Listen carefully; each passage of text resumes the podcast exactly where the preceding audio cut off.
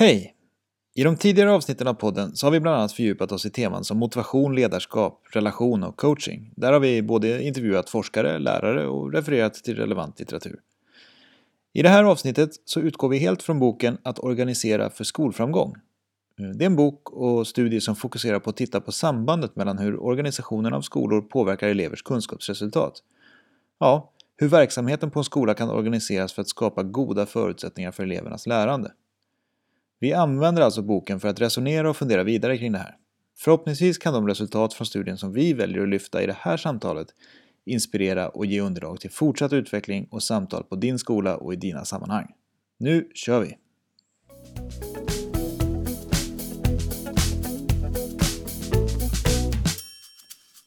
Hej! Välkommen till Skolprat, en podd om skola, undervisning och lärande.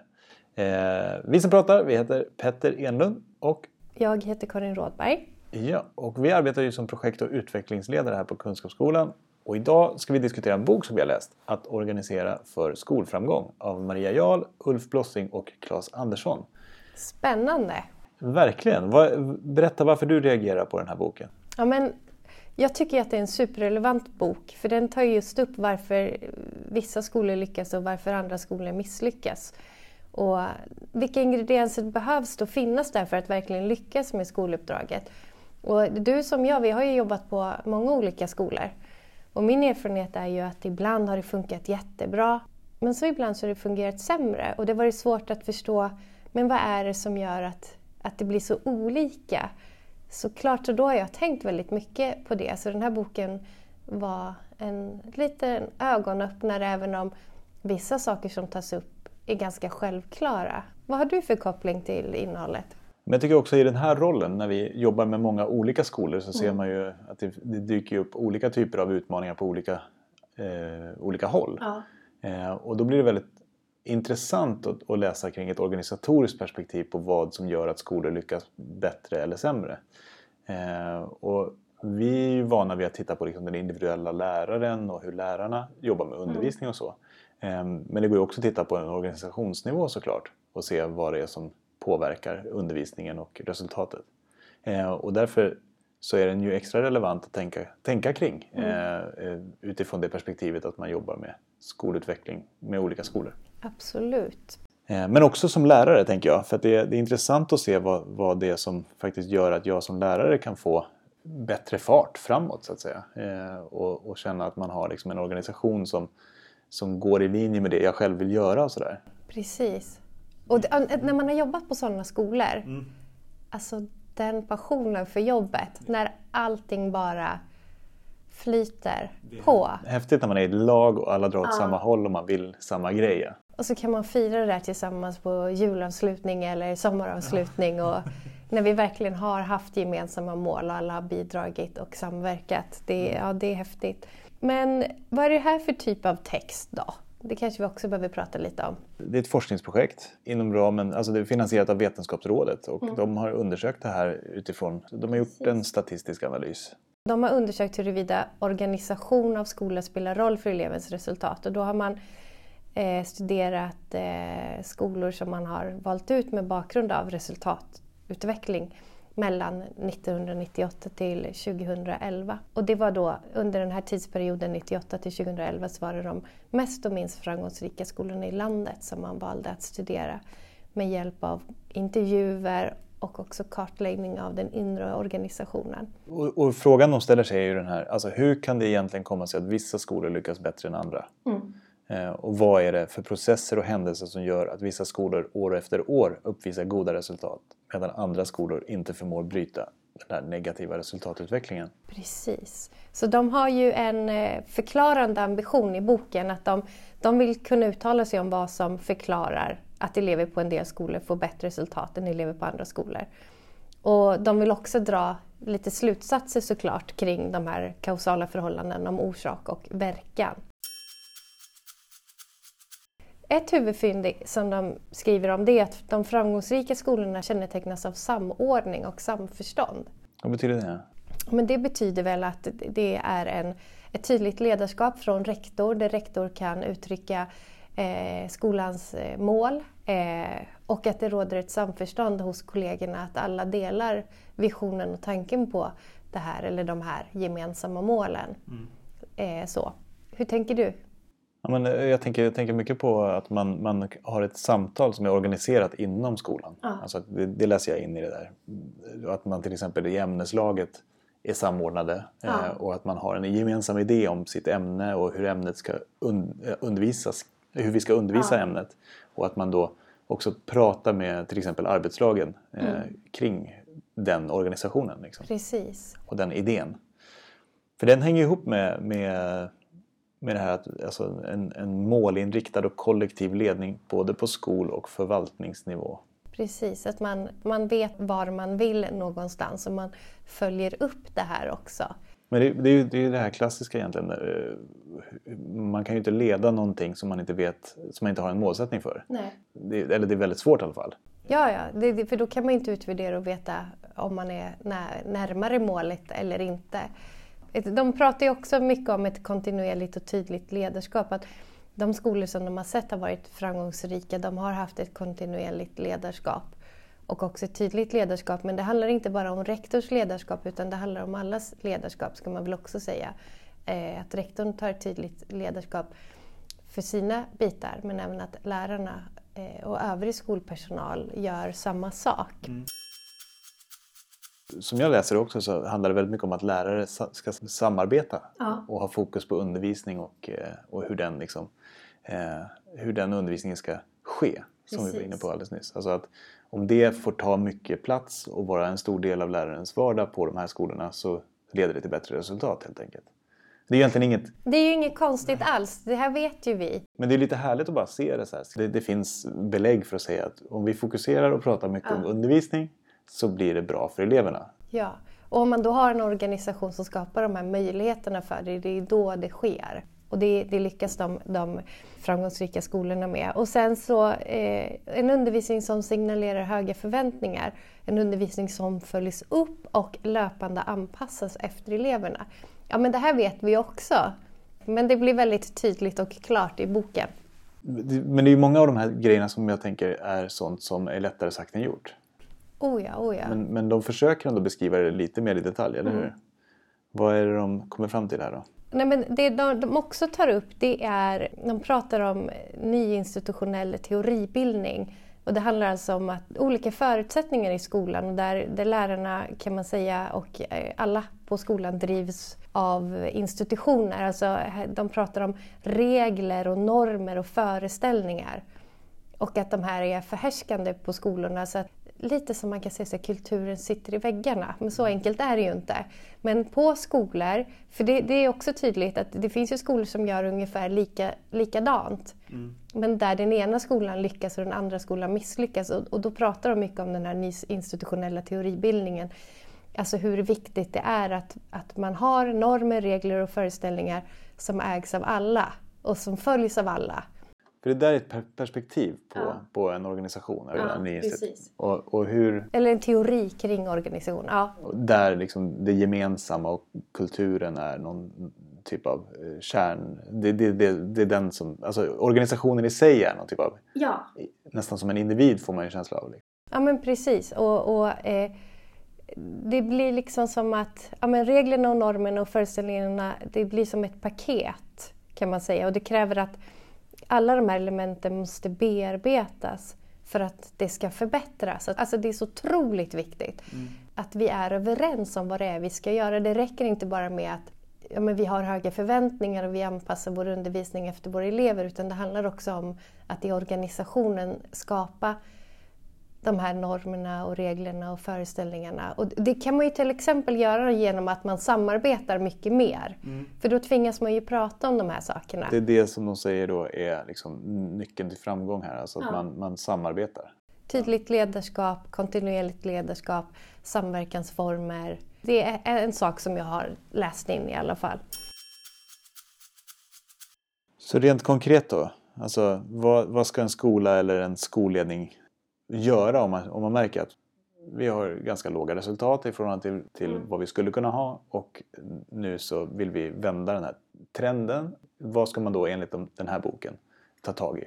Ja, men det de skriver det är just att, de, att på skolor där det fungerar dåligt så behöver man skapa en ny norm där lärarna får en samsyn kring undervisning och resultatfokus, alltså att man följer upp resultaten, att man äger sina resultat och är medveten om att, hur man ska kunna påverka dem. Så att det blir den rådande normen. Och då, då, får, då ger de förslag här att lärarna måste ges tillfällen till att mötas och börja tala om undervisning. För då blir det också svårare för lärare att tänka att ja, vi, ja, oh, jo, vi kan ju sitta här och vara överens men sen så går ju Pelle och Kalle och Nisse ut och gör som de tycker ändå. För när man väl börjar prata med varandra så, så kan man börja odla en ny norm där vi liksom gemensamt jobbar framåt. Det kan låta lite flummigt. Mm. Eh, ska jag försöka vara mer konkret? Mm, prova. Men en erfarenhet jag har eh, av eh, ämnesarbete det är ju att man ibland, eller jag ibland, har tenderat att hamna i, i organisation. Och det där väcker ju frustration för att vi vill ju egentligen prata om det som är vårt kärnuppdrag, det vill säga undervisningen. Men att man lätt fastnar i, ja men nu på fredag eh, behöver vi täcka upp där till exempel. Eh, en kollega är sjuk eller någon har semester. Eller, eller sådana tråkiga frågor. Mm. Eh, när man egentligen bara vill diskutera sin undervisning och hur den kan förbättras. Så, så jag tror på att planera i, i sin organisation för de här samtalen där organisation inte ska diskuteras utan att lärarna ska diskutera sin undervisning.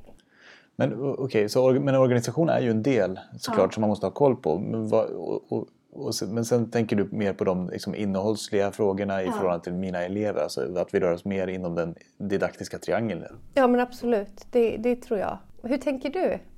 Ja, men när man får prata om hur man kan gestalta liksom, kunskap, det är då det blir som mest intressant. Det senaste ämneslaget jag ingick i, där hade vi väldigt många diskussioner kring vilken typ av stöd kan vi ge eleverna för att utveckla vissa förmågor till exempel? Och vilken typ av kunskap behöver eleverna ha då? Mm. Liksom, och hur ska vi möta dem då på vår workshop eller i våra eh, föreläsningspass till ja. exempel? Och då blev det så himla tydligt att vi, vi såg ju lite olika på vilken typ av stöd man, man kan ge eh, till eleven.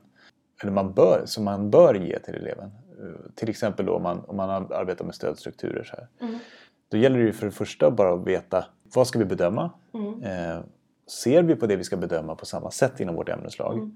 För gör vi inte det, har vi inte någon hyfsat likvärdig bild av vad det är vi ska bedöma, då kommer vi ju inte kunna liksom, då, då, kommer vi möta eleverna på olika sätt mm. och planera för olika metoder i undervisningen.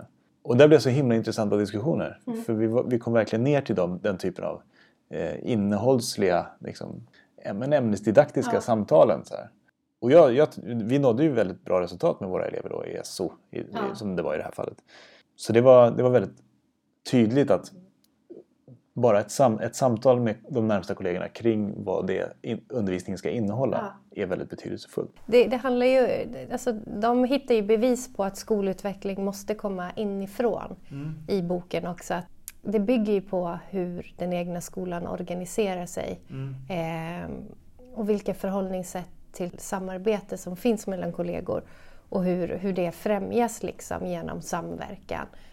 Eh, så. Sen kan man inte säga så här, ja men en timme i veckan är bra tid för ämnesarbete eller två timmar varannan vecka eller tre timmar i veckan för det mm. där är ju olika. Mm. För det handlar ju också om hur man riktar ficklampan mot det som är viktigast. Och det behövs ju stöd i såklart. Och det tänker jag att det är ju en rektor eller en biträdande rektor som liksom stöttar ämneslagen framåt. Men jag tycker att det här är en bra bok som alla, men den vänder sig till många olika som jobbar inom skolan.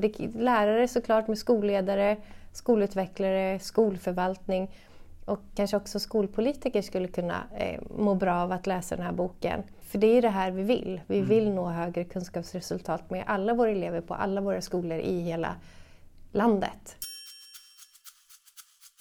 Men hur, hur, hur tänker du, alltså, om, man, om man tänker inom en skola, nu pratade vi om ämneslaget så, mm. eh, och att vi inom ämneslaget kan vara väldigt överens. Och då möter alla elever på vår skola liknande ämnesundervisning. Det verkar ju vara lika viktigt att man som elev känner igen sig i de olika ämnena också när man går runt. Man möter ju olika lärare. Den typen av kommunikation eh, ja. lyfts ju fram väldigt, väldigt ja. tydligt i boken. att Det behöver finnas någon typ av vad ska man säga, kommunikationssystem nästan. Alltså, vi behöver ha det där ja. tydligt för oss vad det är som är liksom bärande delar i undervisningen oberoende av ämne nästan, ja. eller? Men jag tror till exempel att om, om vi har liknande regler för, för liksom klassrumsarbete till mm. exempel. Det är ett sätt att göra det mm. tydligt. För då, då vet eleverna att men, det är samma förväntning när jag går på Petters föreläsning i SO som att det är att gå på Karins kommunikationspass i spanska. Det är, de här ramarna som gör det så förutsägbart, som kan ibland tyckas tråkigt för en vuxen, men det är så otroligt viktigt för barn och ungdomar att de får den. Och sen inom, inne i, i den här tråkiga boxen, där kan man vara alldeles fantastisk och briljera tillsammans med sina elever. Mm. Men att det ska vara lite fyrkantigt, så. förutsägbart, det tror jag är viktigt. Och jag mm. tror också att, menar, att om man har ett tydligt och ett långsiktigt ledarskap och man samarbetar kollegialt, då blir, får man ju också ett liknande sätt att undervisa också mm. som lärare. Eh, om man går och observerar varandra bara för att lära sig. Jag är ganska van vid att ha blivit observerad i min undervisning och jag har aldrig sett det som någonting skrämmande eller läskigt. Kanske första gången var det så.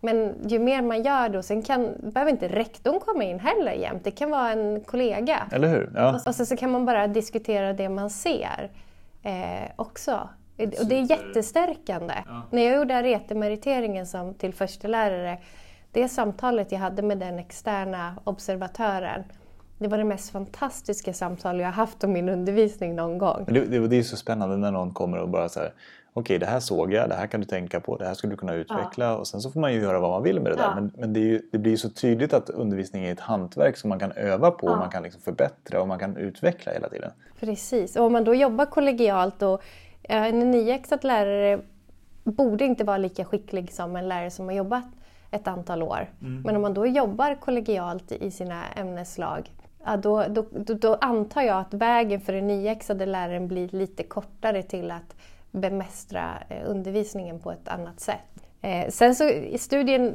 jag tänker inte att studien drar, liksom tar upp just vilka undervisningsmetoder som genererar de bästa elevresultaten. Det gör den inte. Så det kan man ju prata om vid ett annat tillfälle. Om det nu, ja men precis, om det finns ett, ett, ett eh, enkelt och eh, ensamt svar på den frågan. Den kan vara lite mer komplex ändå.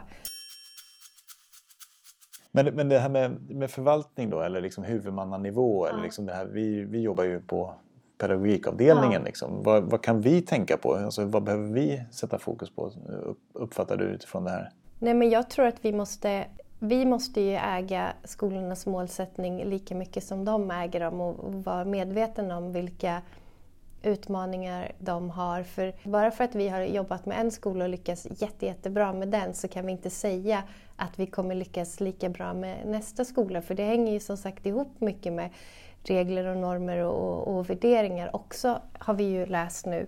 Så vi måste nog se varje skola som, som just en skola. Det finns inte två likadana skolor.